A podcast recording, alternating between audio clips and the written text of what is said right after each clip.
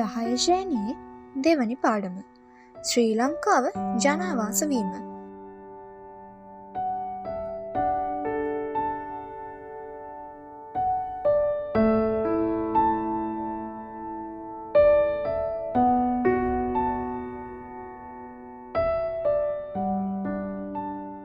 ශ්‍රී ලංකාව මිනිස් වාසයක් බවට පත් වනේ මීට අවුරුදු එක්ලක්ෂ විසි පන්දහසකට පමණ ඉහත කාලවක්වානෝකදී. ඉන්දයානු සාගරය හරහා මිහි පැමිණි නූතන මානවයා නමින් හඳුන්වන හෝමෝ සාපියන්වරු මේ විදිහට මෙරටට සංක්‍රමණය වුණා. එතැන් පටන්ම ඔවුන් මෙරට විවිධ ප්‍රදේශවට පැතිර යමින් ඒ ඒ පලාත්තුල තියෙන පරිසර සුරූපවලට හැඩගැසුනා. සැලකිය යුතු තරමේ දීර්ඝ කාලයක් ඔවුන් මේ රටේ ජීවත්වීම නිසා කාලාන රූපව ඔවුන්ගේ සංස්කෘතියත් සකස් වුණා. සංස්කෘතිය සිදුවුණු මේ වෙනස්කම් පදනම් කරගෙන ශ්‍රී ලංකාවේ මනුෂ්‍ය පැවැත්මේ ඉතිහාසය අවධි තුනකට බෙදා තියෙනවා. ඒ අවදි කුමන සරූපය ඒවාද කියන කාරණයක් ඒ අදාළ කාලවක්වානුවරදි ඔවුන් ජීවත්වනු ආකාරය ගැනත් තමයි මේ පාඩමේදී කතා කරන්නේ. ශ්‍රී ලංකාවේ මනුෂ්‍ය පැවැත්මේ ඉතිහාසය අවධි තුනකට බෙදනම කිව්වන අන්නේ අවධි තුන තමයි ප්‍රාග්ගයිතිහාස යෝගය පූරු ඓතිහාසිකගේ සහ මුල් ඓතිහාසික යුගය කියන යුග තුන. දැන් අපි කත්තා කරමු මේ යුග තුනෙන් පළවෙනි යුගය වන ප්‍රාග් ඓතිහාසික යුගේ ජනාවාස පිළිබඳව. ප්‍රාග් ඓතිහාසික යුගේ ජනාවාස සාහිත්‍ය මූලාශය මගින් විස්තර කෙරෙන අතීත කාලයේ ආරම්භයට පෙරතිබූ යුගය පොදුවේ හඳුන්වන්නේ ප්‍රාග් ඓතිහාසික යුගය කියලා. ශ්‍රී ලංකාවේ ප්‍රාග් ඓතිහාසික යුගයට සංස්කෘතික අවධි දෙකක් අයත් වෙනවා. එයින් පළමුවන්න දීර්ඝ කාලයක් තිස්සේ පැවති ගල් යුගය. දෙවනින්ගේට අයත් වෙන්නේ ශාකාහාර මත යැපීම වෙත වැඩි නැඹුරුවක් තිබූ සහ ලෝහභාවිතය සහ ස්තිරවාසය ජනාවාස ආරම්භ වන කාලපරිච්චේදය. මේ අතරින් ගල්යුගේ හඳුන්වන්න ප්‍රාක්්කාතිහාසික යුගේ යන විවහාරයත් දෙවනවදිය හඳුන්වන්න පූරු ආතිහාසික යුගේ යන යෙදුමක් භාවිතා කෙරෙනවා. දැන් අපි කතා කරමු ජනාවාස ව්‍යාප්තිය පිළිබඳව. ශ්‍රී ලංකාව ජනාවාස කෙරුවේ ආධිකාලීන හෝමෝ සාපියෙන් මානවයා විසින්. ඒ මානවයා මෙරට විවිධ දේශගුණික කලාපවලට අනුවර්තනය වෙමින් පුළුල් භූගෝලීය ප්‍රදේශයක ව්‍යාප්ත වුණා. දඩයමින් සහ තැන තැන ඇවිදයමින් ආහාර එකතු කිරීම ඔවුන්ගේ ප්‍රධාන යැපීම් ක්‍රමය වුණා. ශ්‍රී ලංකාවේ ගල්යුගේට අයත් සාක්ෂි හමුවන තැන් ගොඩක් තියෙනවා. එයින් පළමුවැන්න රත්නපුර සහ එහි අවට ප්‍රදේශවල පිහිටි මැනික් පතල්. සාමාන්‍යයෙන් පොළොව මට්ටමේ සිට අඩි අනුවක් පමණ ගැඹුරින් මෙම පතල්වල හමුවන ඉල්ලම් නමෙන් හැඳින්වන බොරුලු මිශ්‍ර පස්තට්ටුවේ ඉතා ඈත යුගේක විස්සු මිනිසුන් විසින් භාවිතා කරන ලද ගල්මෙවලම් සහ වඳවීගේ ඇතැම් සතුන්ගේ ඇටකැබිලි තැන්පත්ත තියෙනවා. ප්ලයිස්ටොසීන භූ අවධයේදී පැවැති අධික වර්ෂා සහිත කාලගුණේ නිසා කඳුකර ප්‍රදේශ සෝදා යෑමින් හටගත් බොරුළු තට්ටු මේ විදිහට පහත් බිම්බල තැන්පත් වුණා. ශ්‍රී ලංකාවේ අර්ධශුෂ්ක කලාපේ පොළවේ මැටි සහිත වැලි පසකින් වැසුණු බොරුල් තට්ටුවක් තියෙනවා. පුරාවිද්‍යාඥයන් විසින් ඒක හඳුන්වල තියෙන්නේ ඉරණ මඩු සැකැස්මයන් නමින්. ඉරණ මඩු සැකැස්ම තැන්පත් වෙලා තියෙන්නේ ප්ලයිස්ටෝසින යුගයේ පැවැති කෙටි උණුසුම් කාලවලදී. මේ බොරුල් තට්ටු වෙනු මෙරට ගල්යුගයට අයත් මෙවලම් හමු වෙලා තියෙනවා. දැන් කතා කරමු විවිධ දේශගුණික කලාපවල ජනාවාස ව්‍යාප්තිය පිළිබඳව. විවිධ දේශගුණික කලාපවල ජනවාස ව්‍යාප්තිය. ශ්‍රී ලංකාවේ ප්‍රධාන පරිසර කලාප හයක ගල්යුගයට අයත් ප්‍රජාව ජීවත්වෙලා තියෙනවා. මේ පරිසර කලාප අර්ධශෂ්ක කලාපය පහතරට වියලි කලාපය පහතරට අතරමැදි වියලි කලාපය තෙත් කලාපය කඳුකර වියලි අතරමැදි කලාපය සහ ශුෂ්ක කලාපය නමින් හඳුන්වනවා. මේ පරිසර කලාප තීරණය කරන්න ප්‍රධාන වශයෙන් සැලකිල්ලට ගන්නේ වාර්ෂික වර්ෂාපතන අගයන්වල වෙනස්කම්. වර්ෂාපතනය වෙනස්කම් අදාළ ප්‍රදේශවල වාසය කරන සතුන්ටත් ශාක ප්‍රජාවටත් රිජු බලපෑම්මක් ඇති කරනවා. ඒ නිසා එකනෙකට වෙනස් පරිසර කලාපවලට අනුවර්තනය වුණු මේ ගල්යුගේ වැසියන්ගේ ආහාර පරිභෝජනය සහ තාක්ෂණයේ යම් යම් විවිධතා ඇති වෙලා තියෙනවා. නිදසුනක් විදිහට පහතරට තෙත් කලාපයේ හිටපු ගල්යුගේ ප්‍රජාව සිය ආහාරය සඳහා ගොඩබිම ජීවත්වන බෙල්ලන් වැඩි වශයෙන් යොදාගෙන තියෙනවා. විවිධ බෙල්ලන් වර්ග පහතරට තෙත් කලාපය සුළබයි. නමුත් මෙම තත්ත්වය පහතරට වියලි කලාපේ දකින ලැබෙන නැහැ. ප්‍රදේශවල දඩයම් කෙරුවේ මුවා තලගොයා ආදී වියලි කලාපිය පරිසරයේ වැඩි වශයෙන් ජීවත්වන සතුන්. කාලවකවාන් ශ්‍රී ලංකාවේ දකුණු පලාතට අයත් හම්බන්තොට දිස්ත්‍රික්කයේ පතිරාජවල නම් ප්‍රදේශයේ පිහිටි ඉරණමඩු සැකැස්මට අයත් බොරුල් තට්ටුවෙන් ගල්යුගයට අයත් සාක්ෂි සොවාගෙන තියෙනවා. මේ බොරල් තට්ටුව විද්‍යාත්මක විශ්ලේෂණය මගින් දින නිර්ණය කිරීමේදී මින් පෙර වසර එක්ලක්ෂ විසිපන්දාහක් පැරණි බවට තහුරු වෙලා තියෙනවා. දිස්ත්‍රික්කයටම අයත් බූන්දල වැල්ලියගංගුට ප්‍රදේශයේ පොළව මතුපිට සිට අඩි විසි හතරක් යටින් පිහිටි ගල්මෙවලම් සහිත බොරුව තට්ටුව මින් පෙර වසර අසූදාහක කාලවකවානුකට අයත් වෙනවා. ආසන්න වශයෙන් මෙයින් පෙර වසර එක්ලක්ෂ විසි පන්දාහක සිට අවමතරමින් ක්‍රිස්තුපූර්ව එක්දහස් අටසිය දක්වා මේ ගල්යුගය අකණ්ඩව පැවතිලා තියෙනවා. ශ්‍රී ලංකාවේ පලාත් කිහිපයකින් ඒ සංස්කෘතියේ දීර්ඝකාලීන පැවැත්ම තහවුරු කරන දිනවකවානු ස්තිර කරලා තියෙනවා. ජනාවාසවල මූලික ලක්ෂණ ශ්‍රී ලංකාවේ ප්‍රාග් ඓතිහාසික මානවයා රටේ පවතින එකිනෙකට වෙනස් පරිසර තත්ත්වවලට අනුවර්තනය වෙමින් ව්‍යාප්ත වුණා. ආහාර සඳහා අවශ්‍ය කරන ස්වභාවික සම්පත් බහුල ප්‍රදේශවල වාසය කරන්න එයාල වැඩි කැමැත්තක් දැක්කුවා. පහතරට වැසි වනාන්තර ප්‍රදේශ වියලි කලාපීය වනාන්තර මුහුදුබඩ කලපු සහ විල්ලුවාශිත ප්‍රදේශ කඳුකර තනබිම් ආදී තැන්වල එයාලා වාසය කර තියෙන බව සොයාගෙන තියෙනවා. ජලය පහසුවෙන් ලබාගත හැකි තැන් සහ ගල්මෙවලම් තනාගන්න අවශ්‍ය කරන පාශාන වර්ග බහුල ප්‍රදේශවල ජීවත්වීමට එයාලා වැඩි කැමැත්තක් දක්වල තියෙනවා.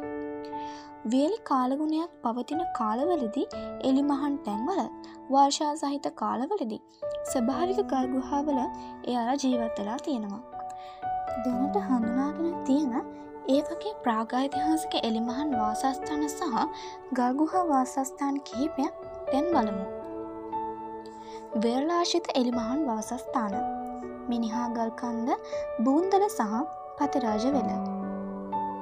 පහතරට තෙත් කලාපිය ලෙන් පාහියන්ගල බටදුඹලෙන කිතුල්ගල බෙලිලන. පහතරට වියලි කලාපිය ලෙන් සීගිරියේ පොතාන සහ අලිගල. තෙත් කලාපිය එලිමහන් වාසස්ථාන. බෙල්ලන් බැඳි පැලැස්ස.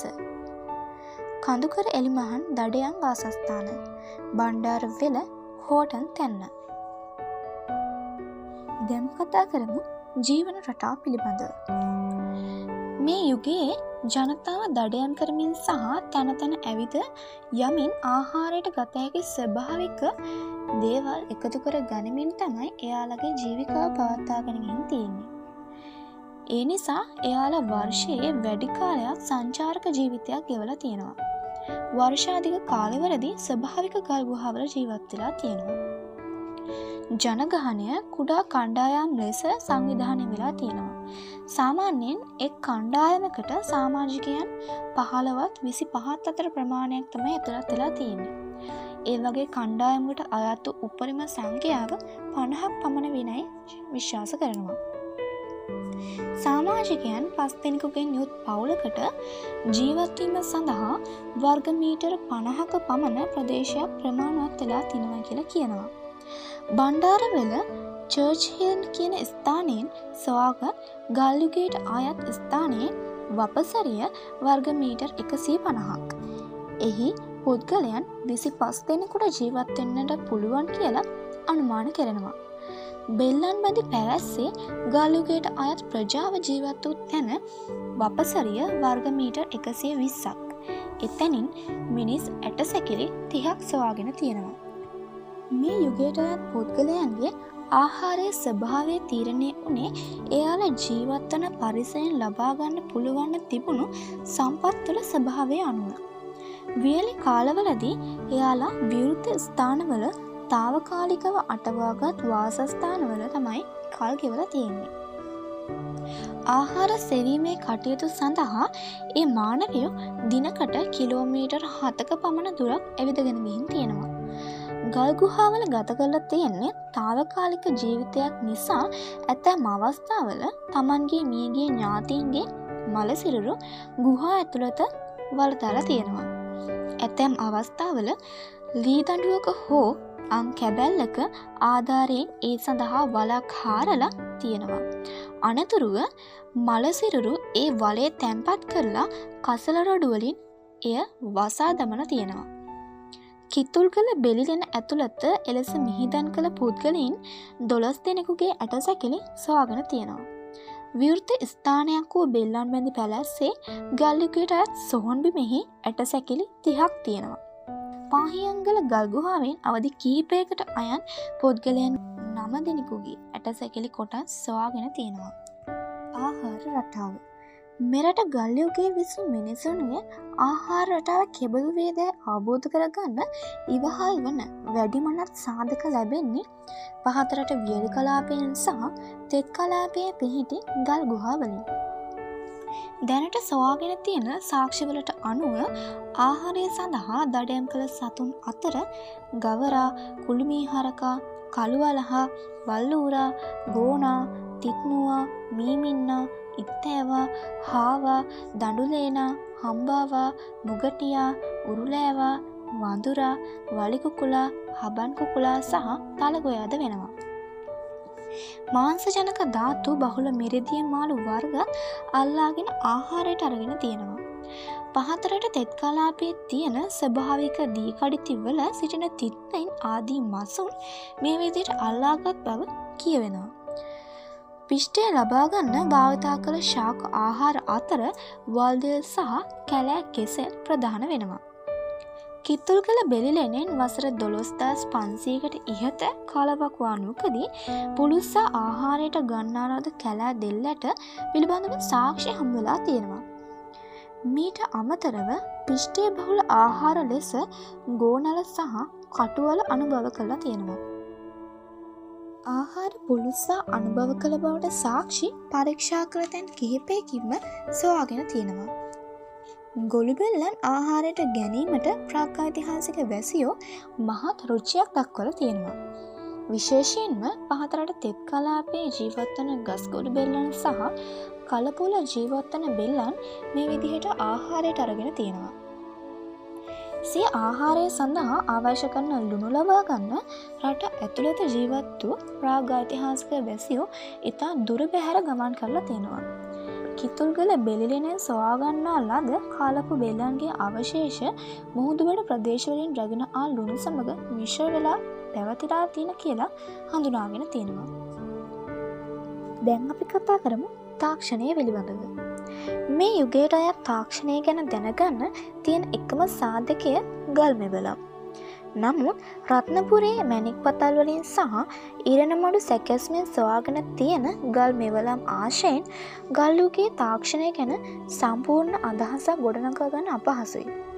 එකට හේතුව තමයි ප්‍රමාණවත් ගල් මෙවලම් ප්‍රමාණයක් නොලැබීමත් ඒවාය දිනවකවාන පිළිබඳව දැනට තිබෙන දැනුම ප්‍රමාණවත් නොවීමත් නිසා.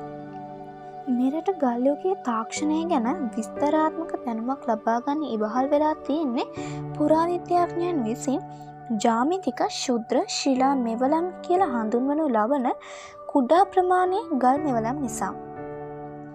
මේවා ඒ විදිට නම් කල තියෙන්නේ ඒවා නිෂ්පාදනය කරන්නට වෑයම් කළ පුද්ගලින් එක්කී මෙවලම්වට ජාමිතික හැඩයක් ලබාදීමේ අරමුණින් ගල්පතරු හැඩගස්සා තියෙන නිසා. මෙවැනි මෙවලම දිගින් සෙන්ටිමීටර් හතරයි දශම පහකට වඩා විශාල වෙන්නේ නැහැ. වැඩි වශයෙන් තිරිවානා ගල් සහ සුළු වශයෙන් කහඳගල් භාවිතා කරලා මේ කිව්ව ශුද්‍රගල් මෙවලම් නිෂ්පාදනය කළා තියෙනවා. මේවා සතුන් දඩයම් කිරීමේ සිට කැපීම් සීරීම් තැලීම් හැරීම් වැනි දේට උචිත පරිදි සකසලා තියෙනවා. මීට අමතරව කළුගල් භාවිතා කරලා තනල්ලද මිටි ඇඹරුම්ගල් ආදියද ඒ කාල නිෂ්පාදනය කළ තියෙනවා. මිනිසුන්ගේ ශරීරය ස්වභාව පිළිබඳව දැන් කතා කරමු.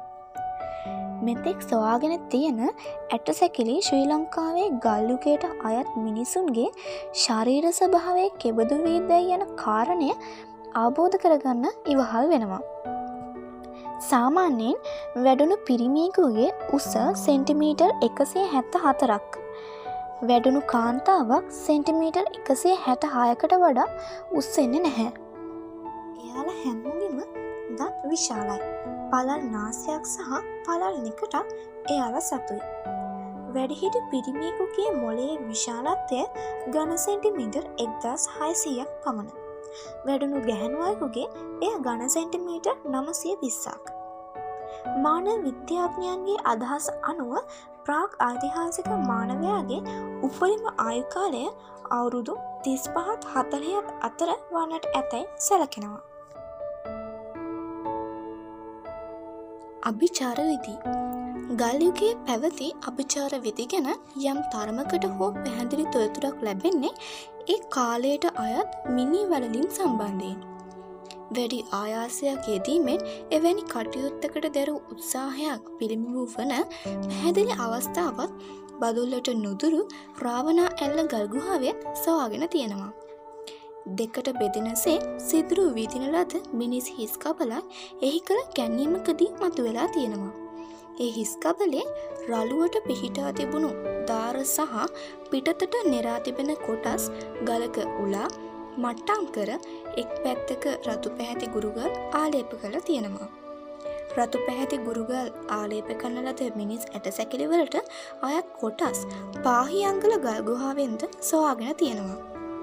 මලසිරරු ඒ කොටස් දිරායන තුරු යම් තැනක වලලා දමා පස්සේ ඇට සැකිලි ගොඩගෙන නැවත ඒවා තැන්පත් කළ බව මෙවැනි සාක්ෂිවලින් පැහැදිලි වෙනවා. කුරුවිට බටදොමලෙනින් සෝගත් ඇට සැකිලි නමා වකුටු කර වලලලා තියෙනවා. ශ්‍රී ලංකාවේ ගල්යුගේ ජීවත් වූ මිනිසුන් සහ වර්තමාන වැදි ජනතාව අතර සංස්කෘතිමය වශයෙන් සහ ජීවවිද්‍යාත්මක වශයෙන් සමානතා රැසක් තිබෙන බව පර්යේෂකයෙන් විසින් පෙන්වා දෙනවා. මෙතෙක් වෙලා අපි කතා කරේ ප්‍රාග් ඓතිහාසික යුගයේ ජනාවාස ගැන. දැන් අපි කතා කරමු පූර්ව ඓතිහාසික යුගයේ ජනාවාස පිළිබඳව. ප්‍රාග් ඓතිහාසික යුගයේ අවසානයත් ඓතිහාසික යුගයේ ආරම්භයත් අතර කාල පරිච්ඡේදය හඳුන්වන්නේ මේ පූර්ව ඓතිහාසික යුගය කියන නමින්. තාක්ෂණික වශයෙන් මෙය සංක්‍රාන්තික යුගයක්. ශ්‍රී ලංකාවේ පූර්ව ඓතිහාසික යුගය ඊට පෙර පැවති ප්‍රාග්ඝාතිහාසික යුගයෙන් වෙන්වෙලා පෙනෙන්නේ කරුණු කිහිපයක් පදනම් කරගෙන. පිලිස්සූ මැටිවලම් භාවිතය ආරම්භ කිරීමත් ක්‍රමවත් සුසාන් චාරත්‍ර විදි අනුගමනය කිරීමත් කියන දේවල් අතරින් ඒවා ප්‍රධානයි. ප්‍රාග්ඝාතිහාසික යුගයේදී පැවති ගල්මෙවලම් තාක්ෂණය වෙනුවට යකඩ ලෝහය භාවිතා කිරීම මේ කාලයේදී ඇම්බිලා තියෙනවා. නමුත් ගල්මෙවලම් භාවිතා කිරීම මුළුමනින්ම අත්හැර දැමීම සිදුවෙලා තියෙන්නේ පූර්ව ඓතිහාසික යුගේ අවසන් භාගයේදී. යකඩ භාවිතය ආරම්භවීම නිසා මේ යුගය පූර්ව ඓතිහාසික යකඩ යුගය යනුවෙනුත් මුල් යකඩ යුගය යනුවෙනුත් හඳුන් වනවා. ඒ වගේම ස්තිර ජනාවාස ඉදිකිරීම කෘෂිකර්මාන්තය ඇරවීම මෙකළ දක්නට ලැබෙන තවත් විශේෂ පරිවර්තන. පූර්ව ඓතිහාසික යුගය බිහිවීම. ශ්‍රී ලංකාවේ පූර්ව ඓතිහාසික යුගයේ ආරම්භයත් ප්‍රාග් ඓතිහාසික යුගයේ අවසානයක් අතර සංක්‍රාන්තික සමය ගැන දැනට අපට තිබෙන දැනුම සීමිතයි. ප්‍රාග් ඓතිහාසික යුගයට අයත් ගල්මවලම් තාක්ෂණය සහ දඩියම ඇතුළුව ආහාර එකතු කිරීමේ යැපීම් ක්‍රමය යටපත්වමින් ඒ වෙනුවට ශාක ආහාර මත වැඩි වශයෙන් පදනම් වීම සහ ලෝහ භාවිතයට නැම්රුවීම යන දෑ හිටිවනම සිදුවේ හැකි පරිවර්තනයක් නෙවෙයි. අනෙක් අතට එවැනි පරිවර්තනයක් ජනනය කරන්න කිසියම් ප්‍රබල හේතුවක් තිබීම අවශ්‍යයි. වෙනත් රටවල සිදුවී තියෙන එවැනි සංස්කෘතික පරිවර්තනවලට බොහෝ අවස්ථාවල බලපාලා තියෙන්නේ දීර්ඝ කාලීනව බලපවත්වන පරිදි ඇතිවුණු දේශගුණික විපර්යාස තමයි. හොලෝසීන යුගය කියලා හඳුන්වන මෑත බූ මැදභාගයේදී එනම් ක්‍රිස්තපූර්ව හද්දාහත් හාරදවස් පන්සියත් අතර කාලවක වනුවේදී සමස්ත දකුණු ආසියානු කලාපේටම බලපෑමක් ඇති කළ දේශගුණික විපර්යාසයක් ගැන පුරාවිද්‍යාඥයන් සහ පුරාණ දේශගුණය පිළිබඳ විශේෂඥයන් විසින් කරුණු අනාවරණය කරගෙන තියෙනවා. ඒ කියන්නේ අයිස් යුගේ අවසන් වීමත් ලෝකයේ උණුසුම් වීමත් මගින් කෘෂිකර්මාන්තය සඳහා වඩත් සුදුසු පරිසර තත්ත්වයක් ගොඩනගෙන්නට වුණා. ඒ වගේම ජනගහනය කැපී පෙන්න අයුරින් වර්ධනය වුණු අතරම ඒ තුළින් නව සමාජ රටාවක් කෙරෙහි යොමුවීම සිද්ධ වුණා. ශ්‍රී ලංකාවේ පූර්ව ඓතිහාසික යුගය ගැන පැරණිත්තම සාධක අයත් වෙන්නේ ක්‍රිස්තපූර්ව දෙදස් හාරසයට. දැනට කල්ලත් තියෙන පුරාවිද්‍යාත්මක ගවේශණවලට අනුව මේ යුගයට අය සාක්ෂි වඩාත් පැහැදිලිව අනාවරණය වෙලා තියෙන්නේ සබරගම් පලාතේ ඊසාන දිග කොටසෙන් සහ ඌව පලාතේ නිර්ත දිග කියන කොටසෙන්. අතීතයේදී මෙරට මියගිය අය වෙනුවෙන් ඉදිකල්ල තියෙන මහාශිලා සුසාන ශ්‍රී ලංකාවේ පූර්ව ඓතිහාසික යුගයේ සංස්කෘතිය හදාරන්න යොදාගන්න පුළුවන් ප්‍රධාන අංශයක්. පෙබඳු මහාශිලා සුසාන ශ්‍රී ලංකාවේ ප්‍රදේශ රැසකින් හමු වෙලා තියෙනවා. මේ සුසානවලින් එක්වර්ගයක් විශාල ගල්පතුරු එක්තැන් කරලා චතුරස්්‍රාකාර හැඩයකට සකසා ගල් පූරුවකින් ආවරණය කළ තියෙනවා. එහි ඇතුළත මිනිස් භශ්මාවශේෂ සහිත මැටිබඳු තැන්පත් කළ තියෙනවා. මේවා ශිලා මංජුසා සොහුන් යනුවෙන් හඳුන්වනවා. එවැනි සොහුන් අතරින් මධ්‍යම් පලාතට අයත් දම්බුල්ලට නුදුරුව පිහිටි ඉබ්බන් කටුව මහශිලා සුසානය යාපහුවේ පිහිටි ගල් සහොන් කනත්ත නමින් හැඳින්වෙන සුසාන භූමියත් ගලේවලට නුදුරුව පිහිටි යටිගල් පොත්තේ සුසාන භූමියත් දැනට කැනෙම් කලා තියෙනවා. ඒවාට ලැබේ තිබෙන විද්‍යාත්මක දින නිර්ණ ක්‍රිස්තපූර හත්සය පණහා හාරසිය පණහා අතර කාලයට අයත් වෙනවා. මේ ක්‍රමයට අමතරව මහාශිලා සම්ප්‍රදායටම අයත් තවත් සුසාන ක්‍රම කිහිපයක් පිළිබඳව සාධක ශ්‍රී ලංකාවෙන් හමු වෙලා තියෙනවා. මේ සුසාන ක්‍රමේදී භශ්මාවශේෂ සහිත කුඩා මැටිබඳුන් විශාල මැටිබඳුනක් තුළ බහා තැන්පත් කර තියෙන දක්නට ලැබෙනවා. අන්නේ සොහොන් භරණී සුසානයන්වෙන් හඳුන් වනවා. ඌව පලාතේ හල්දුම් මුල් සහ බෙරගල පිහිටි පූර්ව ඓතිහාසික යුගයට අයත් සුසාන භූමි දෙකක් පුරාවිද්‍යාත්මක කැනියම් සිදු කළ තියෙනවා. අමු මැක්ටැන් සකසන් ලද ඔරුවක හැටති බේසමක භශ්මාවශේෂ බහාලු මැටිවලන් තැන්පත් කිරීම එහිදී අනුගමනය කළ තියෙන ක්‍රමය වෙනවා. භශ්මාවශේෂ තැන්පත් කරනට මත්තෙන් මේ මැටිවෝල් තුළ මිනිස් ඇට සැකිලි ආදාහනය කළ තියෙනවා. එහිදී ගින්නට හසුවීම නිසා අමු මැට්ටෙන් තනන්ලද ඔරු මැනවින් පිරිසිලා තියෙනවා.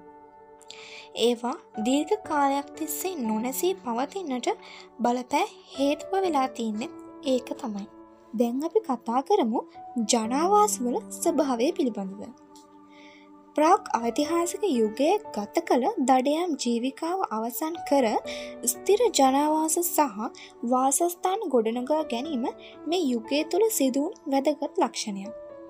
ස්තිරවාසීතාව යනුවෙන් හැඳිනෙන මේ ලක්ෂණය පිළිබිඹු කරන ප්‍රධාන සාක්ෂිය නම් ඒ යුගයට අයත් දැනට සොයාගෙන තියෙන නිවාස අවශේෂ. දෙදහස් නමේ වසරේදී එවැනි නිවාසයක් රත්නපුර දිස්ත්‍රික්කයේ පිහිටි උඩරංචා මඩම ගම්මානෙන් සවාගෙන තියෙනවා. ආයත චතුරාශ්‍රාකාර හැඩයෙන් යුක්ත වූ මේ නිවාසය ඉදිරිපිස සහ පසුපස කොටස් බිත්තියකින් වෙන් කලා තියෙනවා. නිවසේ බිත්ති වරිච්චි මැටියෙන් ඉදි කළ තිබුණු අතරම වහල ඉල්ලුක් හෝ එවැනි දේකින් සෙවිලි කළ තියෙන්න පුළුවන්. ජීවන රටාව. ශ්‍රී ලංකාවේ පූර්ව ඓතිහාසක යුගයට අයත් ජීවන රටාව කෙබඳු ස්වරූපයකින් යුක්ත වුවක්දැයි සම්පූර්ණ වටහාගන්න ප්‍රමාණවත් සාක්ෂි තවමත් ලැබිල නැහැ. දැනට වැඩි වශයෙන් කැනීම් කළ තියෙන්නේ සුසාන භූමි නිසා ඒවායින් සොයාගන්න පුළුවන් එ කාලයේ සාමාන්‍ය ජනජීවිතයට අයත් සාක්ෂි සීමිතයි. මේ පිළිබඳව යම් තරමකින් හෝ අදහසක් ලබා ගන්න ඉවහල් වන්නේ උඩරංජා මඩමේ නේවාසික ස්ථානය කළ කැනීමෙන් ලද තොරතුරු.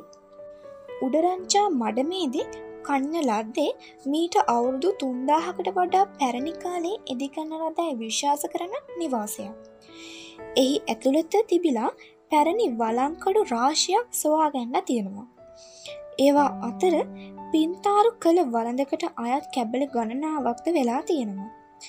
සුදු පැහැති පසුබිමැක රතු පැහැයෙන් ඉරියොදා ඒ වලන්දේ පිට පැත්ත සහ අඩියේ යට පැත්ත අලංකාර කලා තියෙනවා. ඉරි යොදා තිබෙන සම්මිතික ආකාරය අනුව ඒ වලද සකපූරුව භෞතා කොට තනල්ලත්ත බව ස්තිරයි. මෙවැනිම තවත් වලඳක කොටස් හල්දුම්මුල්ලේ ජනවාසයක් පැවති ස්ථානය කැනීමෙනු සොවාගැන්න තියෙනවා. කැනීමකට ලක් කළ නිවාසේ මුළුත්තැන්ගේ මෙවලන් කිහිපයක් තිබෙන තියෙනවා. ඒ අතර ගල් මෙවලම් සහ යකඩ මෙවලන්ද තිබෙන තියෙනවා. ඒ බාණ්ඩ එකතුවේ වැඩි ප්‍රමාණයක්ම ගල් මෙවලන් තිබීමෙන් පෙනී යන්නේ යකඩ භාවිතය ඒ වන විටත් එයාලට නව අත්දැකීමක්ව තිබුණු බව. මුළුතැන්ගේ තිබුණු වෙනත් සුන්බුන් අතර එ නිවාසය වාසය කළ පුද්ගලින් ආහාර සඳහා දඩියන් කරන්න ලද සතුන්ගේ ඇටකටු ඉතිරි වෙලා තිබුණා. මේ ඇටකටු මුවා ගවය වල්ලූරා සහ දඩුලේනා යන සතුන්ට අයත් ඒවා වෙනවා. මේ සාක්ෂි මගින් පෙන්වා දෙන්නේ කෘෂිකාර්මික දීපේතකට හුරු වනත් සතුන් දඩයන් කිරීම සම්පූර්ණයෙන්ම අත් හැර නොදෙමූ බවයි. නිවස තුළ තිබිල සොයාගන්නා ලද දේවල් අතරට මැටිපබලු කිහිපයක් කාන්තාවන් ඇස්සඳුන් තැබීමට භාවිතා කරන ලෝහ කූරක් සහ සිරුර වර්ණ ගැනීම සඳහා භාවිතා කරන කහ සහ රතු පැහැති ගුරුග දෙකක්ද ඒවා උරච්චි කිරීමට යොදාගත් ඇඹරුම්ගා දෙකක්ද ඇතුළත් වෙනවා. මේ සාක්ෂි මගින් පෙනෙන්නේ ඒ කාලෙ විසු කාන්තාවන් තමන්ගේ රූසැපු අලංකාර කර ගන්න මහත් උනන්දුවක් දැක්වපු බව. දැන් අපි කතා කරමු තාක්ෂණය ගැන. ප්‍රාග් ඓතිහාසික අවදි ඒ පැවති ගල් ආලද තාක්ෂණයෙන් කෙමෙන් මිදිලා ලෝහ තාක්ෂණය සහ මැටිබඳුන් නිපදවීමේ තාක්ෂණය වෙත පරිවර්තනයවීම ඇරමුණේ පූර්ව ඓතිහාසක යුගය නමෙන් හැඳින්වන කාලපරිච්චේදයේදී. ලෝහයක් ලෙස යකට භාවිතා කිරීම ආරම්භ වූ නිසා මේ කාලයේ වැසියන්ට වඩාත් කාර්යක්ෂම ලෙස තමන්ගේ එදිනෙදා වැඩකටයුතු කරගැනීමේ අවස්ථාව උදා වුණා. යක්කඩ ශක්තිමත් ලෝහයක් නිසා කැලෑ එරි පෙහෙළි කිරීම පොළව කෙටීම සහ සීසෑම ආදී කටයුතු වලදී එක් කටයුතු පහසුනා. උඩරංචා මඩමේ පැරණි නිවාසයෙන් සොයාගන්නා ලද පින්තාරු කන ලද මැටි බඳුන ඒ කාලයේ පැවති මැටිබාණ්ඩ නිපදවීමේ තාක්ෂණයේ උසස් තාක්ෂණික ප්‍රමිතිය ස්වරූපය අපිට පෙන්වා දෙනවා. නිවාස ඉදිකිරීම ආරම්භ වන නිසා ඊට අදාළ තාක්ෂණික දැනුම ක්‍රමයෙන් වාදනය වුණා. විශේෂයෙන්ම ගිලා නොබසින ලෙස ගෙබිම සකස් කර ගැනීම පොළවට ලම්බාකාර වන ලෙස බිත්ති ඉදිකිරීම ආදීතේ ඊට අයත් වුණා. උඩරංචා මඩව නිවාසේ කැනීම් කටයුතුවදී මැටි පබලුවක් සොයාගෙන තියෙනවා. එමගින් පෙන්නුම් කරන්නේ පබල නිපදවීමේ තාක්ෂණය ඒ යුගේ පැවති බව. තබලුවක් නිපදවීමට ඉතා සූක්ෂම තාක්ෂණයක් අවශ්‍ය වෙනවා. මේදෙන් අපි කතා කරේ ප්‍රාග් ඓතිහාසිකගේ ජනවාස සහ පූර්ව ඓතිහාසික යුගේ ජනවාස පිළිබඳව. දැන් අපි කතා කරමු මුල් ඓතිහාසක යුගේ ජනවාස පිළිබඳව. ශ්‍රී ලංකාවේ ආතිහාසික යුගයට අය මුල් අවතියේ ජනාවාස පිළිබඳව විස්තර කරන ප්‍රවෘත්ති ආතිහාසික මූලාශවල සඳහන් වෙලා තියෙනවා. ඒ විදිහට විස්තර වන ජනාවාස පිහිටි තැන් නිශ්චිතව හඳුනා ගන්න මේ තොරතුරු ප්‍රමාණවත් නොවනමු එකේ ජනාවාසවල ස්වරූපය කෙඹුල්දේ වටහා ගන්න ඉන් සැලකිය යුතු පිටුහලක් ලැබෙනවා. මෙරට පුරාණ ජනවාසවල ව්‍යාප්තිය සහ ඒවාට අදාළ වෙනත් තොරතුරු ගැන යම් තරමක හෝ නිශ්චිතතාවකින් යුතුව වටහා ගැනීමට ඉවහල් වෙන්නේ පුරා විද්‍යාත්මක සාක්ෂි. මුල්ලාදිහාසික යුගය වශයෙන් සැලකෙන්නේ ක්‍රිස්ත පූර්ව හාරසිය පණහ පමණ සිට ක්‍රිස්තු වර්ෂයෙන් තුන්සිය වනතුරු කාල පරිච්චේදය. මේ කාල පරිච්චේදය තුළ මෙරට තිබූ ජනවාස ව්‍යාප්තව පැවතුනේ කිනම් ප්‍රදේශවලතැයි පෙන්නුම් කරන ප්‍රධාන දර්ශකය තමයි කුඩා ගම්වැව්වල ව්‍යාප්තිය. නටපුන් ගිය එවැනි කුඩා ගම්වැව් දහස් ගණනක් ශ්‍රී ලංකා පුරා ව්‍යාප්ත වෙලා තියෙනවා. ඓතිහාසික යුගයේ ජනාවාස බහුතරය වැවක් කේන්ද්‍ර කොට ගනිමින් එහි ආසන්නේම පැවතුනා. වැව් බැම්මේ එක් කෙලවරක වැවට නොදුරුව එවැනි ගම් පිහිටා තිබූ බව පුරාවිද්‍යාත්මක ශේෂ්ත්‍ර ගවේශණවලින් සොයාගෙන තියෙනවා. දැන් අපි කතා කරමු ජනාවාස ව්‍යාප්තියට බලපෑ ප්‍රධාන සාධක මොනවද කියලා. පුරාණ ජනාවාස ව්‍යාප්තියට බලපෑ ප්‍රධාන සාධකයක් තමයි භූභෞතික පසුබිම. වාර්ෂික වර්ෂාපතන අගය පසේ ස්වභාවය භූ විෂමතාවය ස්වභාවික සම්පත්වල ව්‍යාප්තිය ජලවහන ආදිය මේ අතරින් ප්‍රධානයි.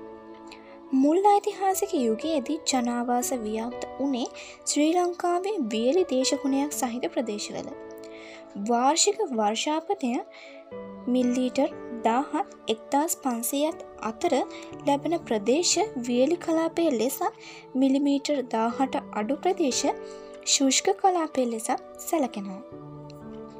කෘෂිකාර්මය සඳහා අවශ්‍ය කරන ජලය ප්‍රමාණවත් තරමින් වර්ෂය පුරා ලබා ගැනීම දුෂ්කර වුණත් මූලික ජනවාස වේලි කලාපයේ ව්‍යාප්ත වනේ ඒ පසේ තිබෙන සාර්වත් බව නිසා. රතු තුඹුරු පස යනුවෙන් හැඳින්වන වියලි කලාපේ වැඩි ප්‍රදේශයක පැතිරී ඇති පස කෘෂිකර්මයට ඉතාම සුදුසු වූවක්. මේ ප්‍රදේශවලට කෘෂිකාර්මික කටයුතු සඳහා අවශ්‍ය කරන ජලය ලැබෙන මාර්ග දෙකක් තිබුණා. ඉන් ප්‍රධාන එකක් තමයි මෝසම් වර්ෂාව. ස්වභාවික ගංගාම්මගෙන් ලැබෙන ජලය වියලි කාලවලදී යම් තරමකට ප්‍රයෝජනවත් වුණා. නමුත් ගංගා ජලය කෘෂිකාර්මික කටයුතුවට යොදාගන්න කොට ගංගා හරහා අමුණු බැඳීම රැස්කරගත් ජලය අවශ්‍ය තැන්වලට ගෙනයාම සඳහා ඇලමාර්ග තැනීම ආදීදේ කිරීමට සිද්ධ වුණා. එය ශ්‍රමය කාලය සහ තාක්ෂණය යෙදවිය යුතු ක්‍රියාවක් නිසා වැඩිනැඹරුවක් දැක්වුණේ වැව් තැනීමෙන් ජලය රැස්කර ගැනීම සඳහා. මුල් ඓතිහාසික යුගයට අයත් ජනාවාස වර්තනය වූ ආකාරය පිළිබඳව සිදුකර තිබෙන විස්තරාත්මක අධ්‍යයන වල ප්‍රතිඵල මගින් පෙන්නුම් කරන්නේ මෙරට ඓතිහාසික යුගයේ මූලික ජනාවාස පැතිරෙන්නේ ගංගා නිම්නවල නොව ඊට පිටතින් පිහිටි ප්‍රදේශවල බව. මේකට බලපෑ ප්‍රධාන හේතුව වන්නට ඇත්තේ ගංගා මගින් වාර්ෂිකව ගෙනෙන විනාශකාරී ගංවතුර පාලනය කරන්න සරිලන තාක්ෂණයක් ඒ වන විට නිපදවා නොමැතිවීම. ගංගා හරස් කරලා අමුණු බැඳ ජලය වැව්කරා ගෙනයාමෙන් ගංවතුර පාලනය කිරීම ආරම්භ වනේ ක්‍රිස්තපූර්ව පළම්වන සියවසය අගභාගයේදී හෝ ක්‍රිස්තු වර්ෂයෙන් පළම්වන සියවසේදී වෙන්න ඕනි. තිස්ස මහාරාම වැව ඉදි කළ ඉලනාග රජසනයේ කිරිඳි ඔය හරස් කරලා අමුණක් පැඳල තියෙනවා. කුරුණෑකර දිස්ත්‍රික්කය පිහිටි ගනයකන්ද විහාරය සහ ගල්ලෙන්න විහාරය තිබෙන ගල්ගුහා දෙකක කොටා තියෙන බ්‍රහ්මීය සෙල්ලිපිවල අවරණ යන වචනය දැක්වෙනවා. එහි අදහස තමයි අමුණ කියන එක. ජනවාස ව්‍යහය සහ සරූපය. වැසිජලයෙන් පෝෂණය වන කුඩා වැව් කේන්ද්‍ර කර ගනිමින් ගංගාවල පිටාර නිම්නයට පිටතින් වූ ප්‍රදේශවල ව්‍යාප්ත වූ ජනාවාස එකිනෙකින් ස්වාධීන වූ ඒවා. වැවක් කේන්ද්‍ර කරගෙන වර්ධනය වූ එවැනි ජනාවාස වාපිගාම යනුවෙන් සාහිත්‍ය මූලාශවල හඳුන්නට දිලා තියෙනවා. මහාවංශය සඳහන් සුමනවාපිගාම විහාරවාපිගාම හුන්දරිවාපිගාම කඩහවාපිගාම යන ගම් එවැනි වැව්කම්. එක් ගමක් තවත් ගමකින් වෙන්වෙලා තියෙන්නේ කැලෑ තීරයකින්. වැව්ගම්වලට අමතරව මේ විදිහට එකනෙකින් ස්වාධින වූ ගම් පිළිබඳව ඓතිහාසික මූලාශවල කෙටි සඳහන් කිරීම් ඇතුළත්වෙලා තියෙනවා. නොයකුත් වෘර්තිකයන් විසූ ඇතැම් ජනාවාස වංශකතාවල සහ සෙල්ලිපිවල සඳහන් කරලා තියෙන කෝමද කියලා දැන් අපි බලමු. කසීකාර ගාම ගොවියන් විසූ ගම් මනිකාර ගාම මැනික්ගැරු හෝ මැනික් කැපූ අය ජීවත් වූ ගම් ගෝපාල ගාම ගොපල්ලන් විසූ ගම් කේවට්ට ගාම දීවරයන් විසූ ගම් කුම්භකාරගාම වලන්සාදන්නන් විසූගම් වඩ්ඩකී ගාම වඩුවන් විසූගම් මේ හැරුණුකොට කාර්ය පදනම් කරගෙන ක්‍රියාත්මක වුණු තවත් ගම්වර්ග කහිපයක් තිබුණා. පට්ටන ගාම වරාය ආශිතව තිබූ ගම් නියම් ගම් වෙළඳගම් ඔලගම් ජනතාව විසින් අතහැර තැමූ වැව්ගම්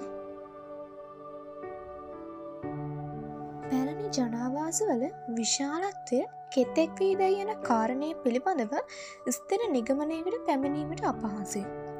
එය විවිධ භූගෝලී ප්‍රදේශවල පැවති ස්වභාවික සම්පත්වල සුළඹතාව මත පදනම් වුණා.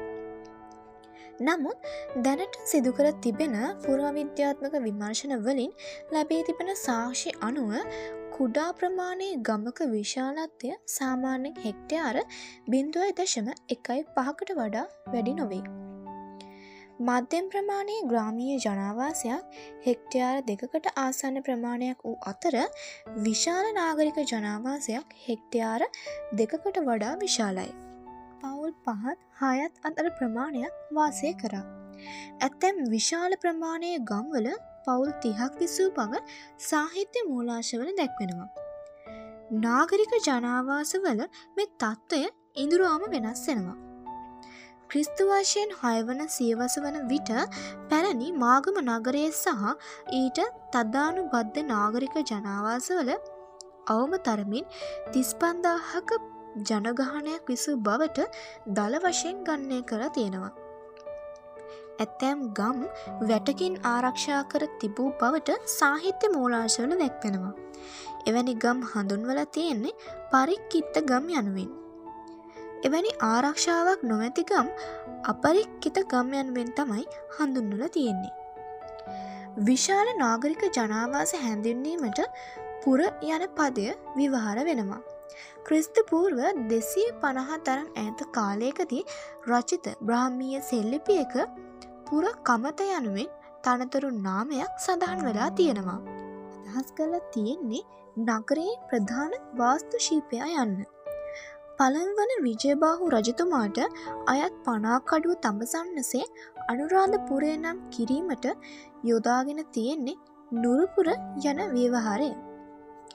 නකරහෙවත් නගරයන්වෙන් හැඳින් වූ ජනාවාස විශේෂයක් ගැන මෙරට පුරාණතම සෙල්ලිපිවල සඳහන් වෙනවා. මෙහි නගරයනුවෙන් හඳුන්නා තිබෙන්නේ ගමත් පුරයත් අතර වූ ජනාවාසයක්. ගම්වල නිෂ්පාදනය කරන තෑ වෙළඳම පිණිස මහා නගරය වෙත ගෙනයාම සම්බන්ධී කරණය වෙලා තියෙන්නේ මේ අතරමැදි ජනාවාස වලින්.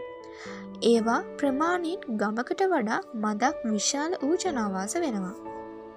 මුල් ඓතිහාසික යුගයට පෙරසිටම මෙම ජනාවාසවල සංවිධානය සහ පරිපාලනය ක්‍රමවත්ව පැවති බව පෙන්වීමට සාක්ෂි තියෙනවා.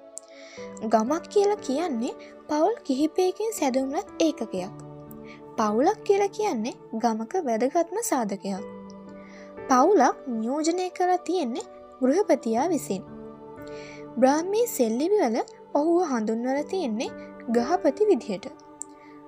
ගමක ගෘහපති කිහිප දෙනෙකුගෙන් සැදුම්ලත් කණ්ඩායමක් වෙනුවෙන් කටයුතු කළ පුද්ගලය හැඳින්වේ ගමික හෙවත් ග්‍රාමික යන නමින්. ඒක තේරුම තමයි ගමේ ප්‍රධානයා කියන එක. පසුකාලයකදී මේ කිව්ව ගම් ප්‍රධානීන් දස දෙනෙකුගෙන් සමන්විත වූ මණ්ඩලයක් මගින් ගම් කිහිපයකින් සැදුම්ලත් ප්‍රදේශයක පරිපාලනයට සම්බන්ධ ගැටලු විසඳීමෙහි නිරත වුණා. සෙල්ලිපිවල මෙම මණ්ඩලය හඳුන්වල දිර තියෙන්නේ දසගම් ඇත්තන් යන ව්‍යවහාරයෙන්. මාතරය දිස්ත්‍රික්කයට අයත් දඹුල්ලේ පිහිටි කළුදිය පොකුණ නමින් හැඳින්වෙන පැරණි බෞද්ධ විහාරයේ ඇති එක් සෙල්ලිපියක සඳහන් කළ තියෙන්නේ ඒ විහාරයේ දානය සපයා ගැනීමේ කටයුතු වලදී යම් ගැටලුවක් ඇතියෝ හොත් දසගම් ඇත්තැන් රැස්සේ එම ගැටරුව විසඳන් ඕනි කියලා. අනුරාධපුරේ කරන ලද කැනීම් වලින් පැරණි ග්‍රාමීය නිවාසි කිහිපයකට අයත්ව තිබූ අත්තිවාරම් හෙළිදරව් වෙලා තියෙනවා. ඒවා වරිච්චි බිත්තවලින් සහ කොළ අතු පියාසැකින් සමන්විත තිබුණු පැල්පත් වෙනවා. ඒ අතරින් සමහර ඒවා වටකුරු හැඩයකින් යුක්තයි. ඇතැම් නිවාස හතරස් හැඩියේ බිම් සැලැස්මකින් යුක්තයි. පුරාවිද්‍යාජයන්ට හමුවෙලා තියෙන්නේ ඒවා තිබූ තැන්වල ඉතිරිව ඇති කණු වලවල් පමණයි. තිස්ස මහාරාමයේ වලගම් පත්තුව නමින් හැඳින්වෙන ගමකින්ද පුරාණ නිවාසයකට අයත් සලකුණු සොයාගැනීමට හැකිවෙලා තියෙනවා. ඒ නිවාසේ බිම් සකස් කළ තියෙන්නේ පොළව හාරලා එහි මතුපිට මැටි ආලේප කරමින්. ඒ නිවාසය ක්‍රිස්තුවාශයෙන් තුන්වන සේවසේදී භාවිතා කරන ලද්දක් බව විද්‍යාත්මකව සනාත කළ තියෙනවා. පැරණි කාලයේ මෙරට පැවති ජනාවාසවල ස්වභාවය කිඹදුද යන කාරණය මේ පාඩමේදී ඉගෙන ගැනීමට අපට අවස්ථාවක් ලැබුණා. ඉතා පුරාණ කාලයක සිට සාමූහිකව විදිමත් ලැසත් සිය ජීවිතය හැඩගස්වා ගන්නට ඔවුන් සමත්වනු ආකාරය අපට ආදර්ශයක් බව සිතට ගන්න ඕනි. ඇ අපි කතා කරමු යැපීම් ක්‍රමය ගැන. ගංගාවක පිටාර නිම්නයෙන් පිටත ප්‍රදේශවල ජනාවාස ව්‍යාප්ත වෙනකොට ඒවායේ ජීවත් වූ වැසියන් සිය යැපීම් ක්‍රමය ලෙස අනුගමනය කළේ හේන් ගොවිතැන. කුරක්කන් මෙනේරි තල සහ තනහාල් වැනි කටුසර බෝග ඒවාය වගා කෙරුණා. කෙටි මුල්පදතියක් සහිත නියගේට හොඳින් ඔරොත්තු දෙන ඒ බෝග ජලය හිඟ පිටාර නිම්නයෙන් බැහැර ප්‍රදේශවල වගා කරන්න යෝග්‍යයි.